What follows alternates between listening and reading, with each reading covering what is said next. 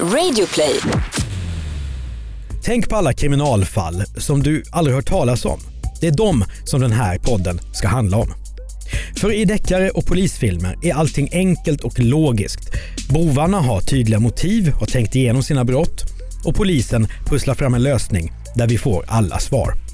Men i verkligheten fungerar det ju inte på det sättet. För de flesta brottslingar har ingen långsiktig plan. De tänker bara dag för dag och tar till desperata utvägar. Välkommen till Misslyckade brott. Jag heter Mattias Bergman.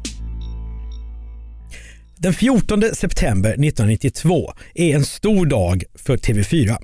Frukost-TV ska lanseras. Nu ska vi svenskar, precis som amerikanerna, få dricka vårt morgonkaffe till nyheter som varvas med intervjuer. God morgon alla ni där hemma och välkomna hit. God morgon Bengt. God morgon Malou. God morgon Ulrika. Hur känns det för dig?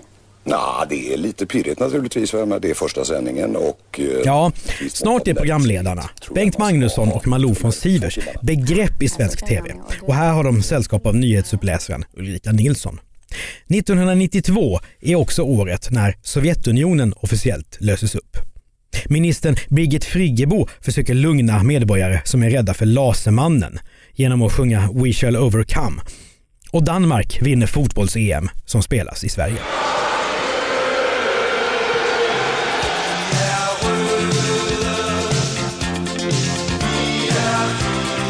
Det här är också en extremt tuff tid för Sverige. Finanskrisen har tvingat politikerna att spara. Den offentliga sjukvården drabbas mycket hårt. Och ett av offren för de här bistra tiderna är Bernhard. Han är 38 år gammal och född i Kanada. Men större delen av sitt liv har han bott i Danmark. Sen hamnar han i Sverige. 1984 blir han svensk medborgare och bosätter sig i Malmö. I 15 år har nu Bernhard jobbat som vårdare inom psykiatrin. Bernhards hjärta klappar lite extra för mentalt störda narkomaner. Han har också ett politiskt intresse och har åsikter på den yttersta vänsterflanken. Och Det har gjort att han har en drivande roll i arbetsmarknadskonflikter. Men nu är det ju inte sånt som pratas om i fikarummet, utan nedskärningar. Det hade varit en torr och het sommar i Sverige när regeringen samlades här på Harpsund. Marknadsräntorna steg, börsen sjönk och vad alla väntade på var att ekonomin skulle vända uppåt igen. Bernhard börjar bli orolig. Kommer han att ha jobbet kvar? För utan det så kan han inte längre göra någon nytta för de här missbrukarna som han brinner för att hjälpa. Han får idén att starta eget. Ett privat behandlingshem. Det skulle ge honom den frihet han behöver för att verkligen kunna göra skillnad för de som behöver det. Men då måste Bernhard skaffa ett startkapital. Tänk om han, som Robin Hood liksom, kan ta lite från de rika för att ge lite till de fattiga. Den här försommaren är kokhet i södra Sverige. Och svenska folket lyssnar på Sweat med Inner Circle.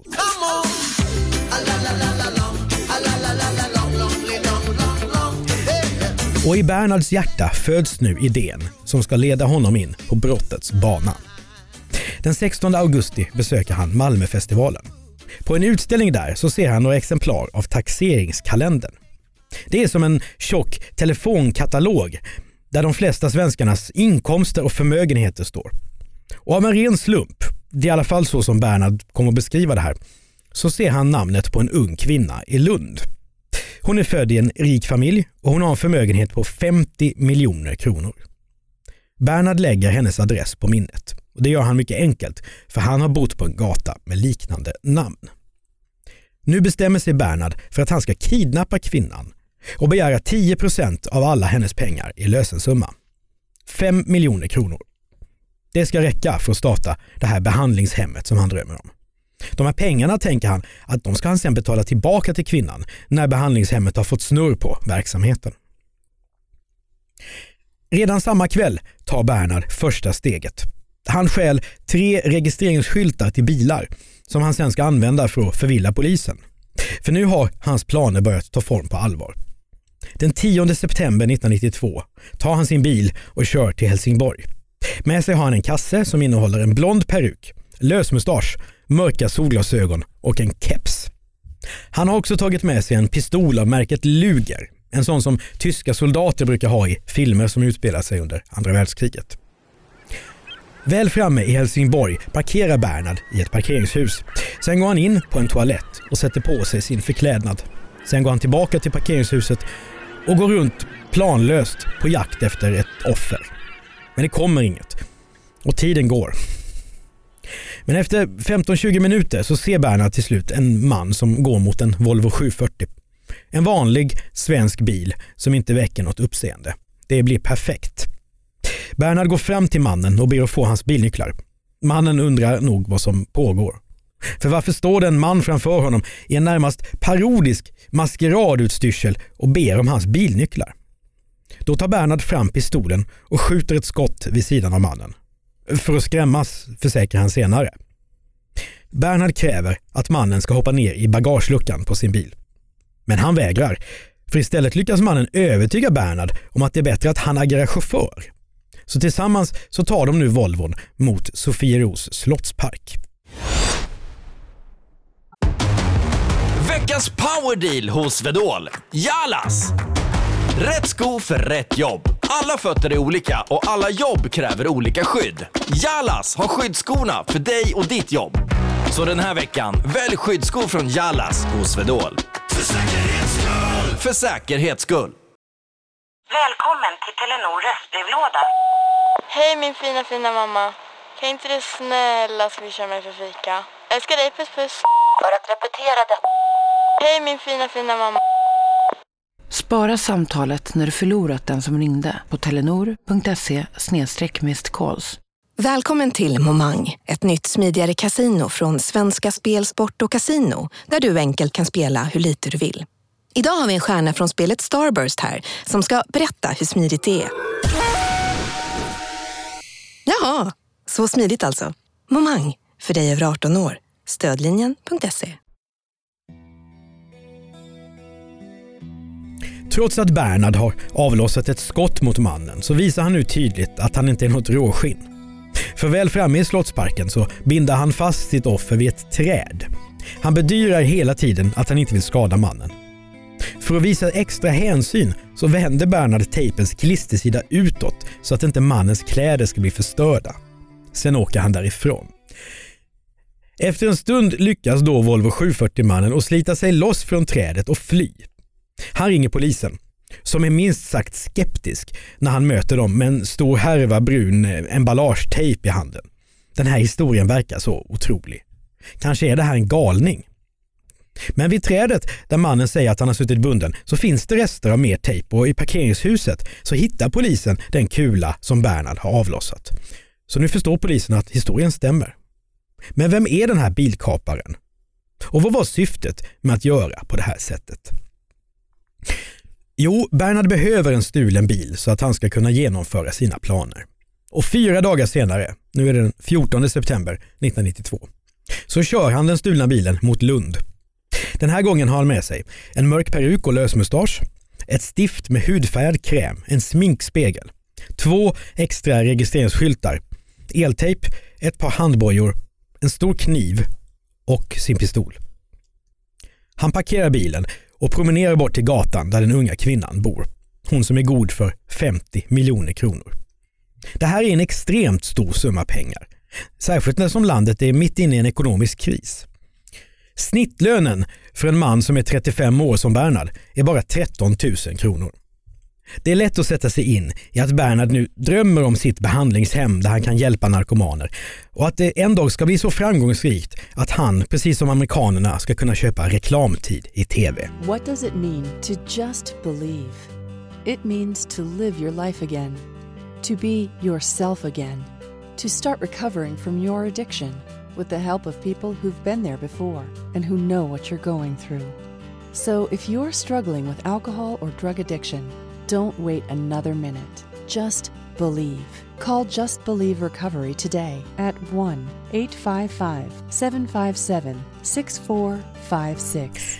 Efter en stund får Bernhard nu syn på en kvinna som är på väg in i bostaden där han vet att miljonärskan bor. Hon kommer i sällskap med en man och han bär på en liten flicka.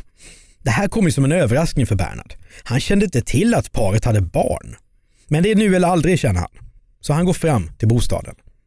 Han tar den här korta trappan i två snabba steg och knackar på den inte helt stängda ytterdörren. Jag har ett brev till frun, säger han på engelska samtidigt som han tar fram ett vitt kuvert ur rockfickan.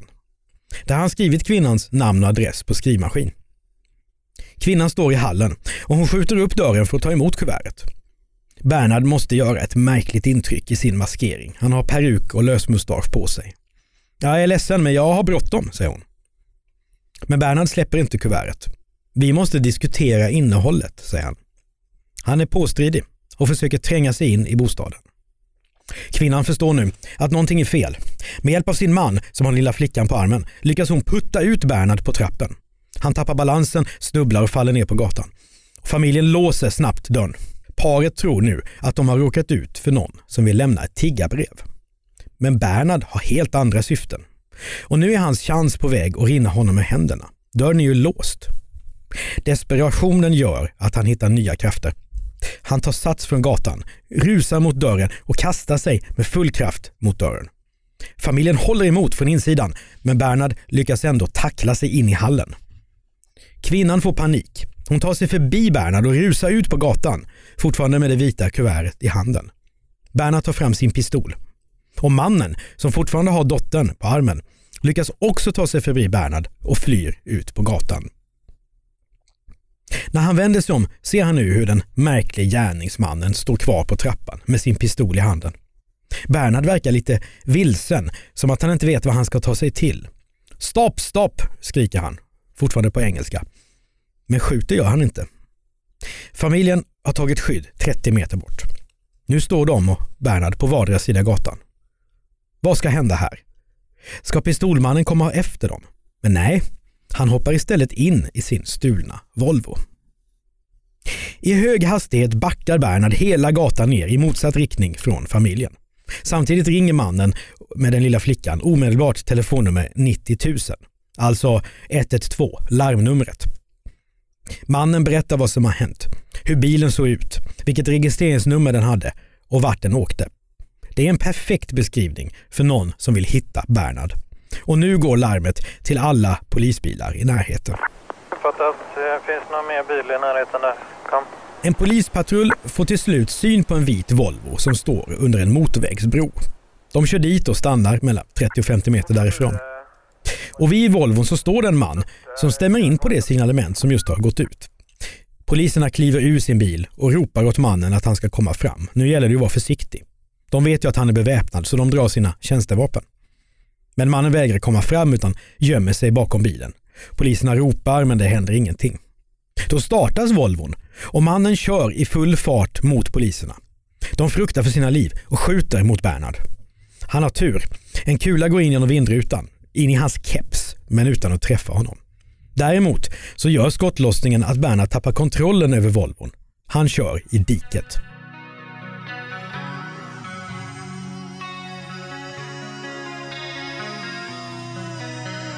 Poliserna är snabbt framme vid Bernhard med dragna vapen. Sitt alldeles stilla, rör dig inte, skriker de. Bernhard håller upp händerna och tittar rakt mot polisen. Han ger upp. Efter att ha låst fast med handbojor förs han till stationen. Dramat är över. Eller nja, det är inte det riktigt. För nu börjar en ny fas, polisutredningen. Bernhard är misstänkt för stöld, grovt rån, olaga frihetsberövande, försök till människorov, försök till grov misshandel alternativt grov vårdslöshet i trafik. Den stora frågan är förstås varför denne märklige man, som tidigare bara är dömd för snatteri, har ställt till med någonting som kan ge ett mycket långt fängelsestraff. I förhören betonar Bernhard gång på gång att han inte tänkte skada någon och framförallt inte barnet. Han pratar gärna och mycket, men helst om sånt som inte har med utredningen att göra. Exakt hur han har tänkt att genomföra kidnappningen och var gisslan skulle hållas och hur de här fem miljonerna i lösensumma skulle överlämnas, det förblir ett mysterium. Förhörsledaren, som tillbringar timme efter timme med Bernhard, uppfattar honom som märklig. Eller till och med sjuk. Någonting som bidrar till det är att Bernhard i vissa förhör talar till en osynlig person i rummet. Som han nämner vid personnummer. Så han undrar varför det här personnumret då har begått brotten. Och han undrar också om den påhittade personens personnummer verkligen är korrekt. Har polisen att göra med en psykiskt sjuk person? Eller spelar Bernhard bara? Trots allt så har han jobbat inom psykiatrin i 15 år och sett det mesta. Kanske vill han bara slippa undan fängelse och få vård istället. Nu görs det sinnesundersökningar och resultatet visar att Bernhard, som det heter, har begått brotten under påverkan av allvarlig psykisk störning. Därför döms han till rättspsykiatrisk vård med särskild utskrivningsprövning. Det är en påföljd som i teorin innebär att han kan få sitta inlåst resten av sitt liv. Så blir det inte. För Bernhard blir utskriven, men något Svenssonliv lever han inte. Istället så döms han återigen till rättspsykiatrisk vård, bland annat för att ha begått ett sexbrott. Han hamnar på rättspsykiatriska kliniken i Sundsvall. Men där vill Bernhard inte stanna. Under en permission 1996 rymmer han och lämnar Sverige. Han åker till Kanada där han är född. Svenska myndigheterna vet att han bor i Montreal men eftersom Bernhard är dömd till vård och inte fängelse så går det inte att få honom utlämnad till Sverige. Alltså blir han kvar i Kanada och medierna kommer att kalla honom för Kanadamannen. Hans fall blir en följetong. Bernhard är ju inte den som har någonting emot uppmärksamhet nämligen. I en intervju med Sveriges Television så berättar Bernhard att han nu är frisk och inte längre behöver vård. De svenska myndigheterna fortsätter sin kamp för att Bernhard ska komma tillbaka till Sverige. Men först 2016 skrivs det sista kapitlet om Kanadamannen. Kanske. Den högsta förvaltningsdomstolen i Sverige beslutar att Bernhard ska skrivas ut från vård. 20 års försök att få honom att återvända till landet. Det får vara nog. Men kanske kommer Bernhard att fortsätta någonting som har blivit en vana sedan han rymde. Att skicka julkort till rättspsyk i Sundsvall. Du har hört Misslyckade brott med mig, Mattias Bergman. Producent är Andreas Utterström. Glöm inte att prenumerera på podden och i iTunes kan du betygsätta oss och skriva en recension. Har du förslag på andra brott som du tycker att vi borde berätta om? Maila gärna till misslyckadebrott.bplus.se.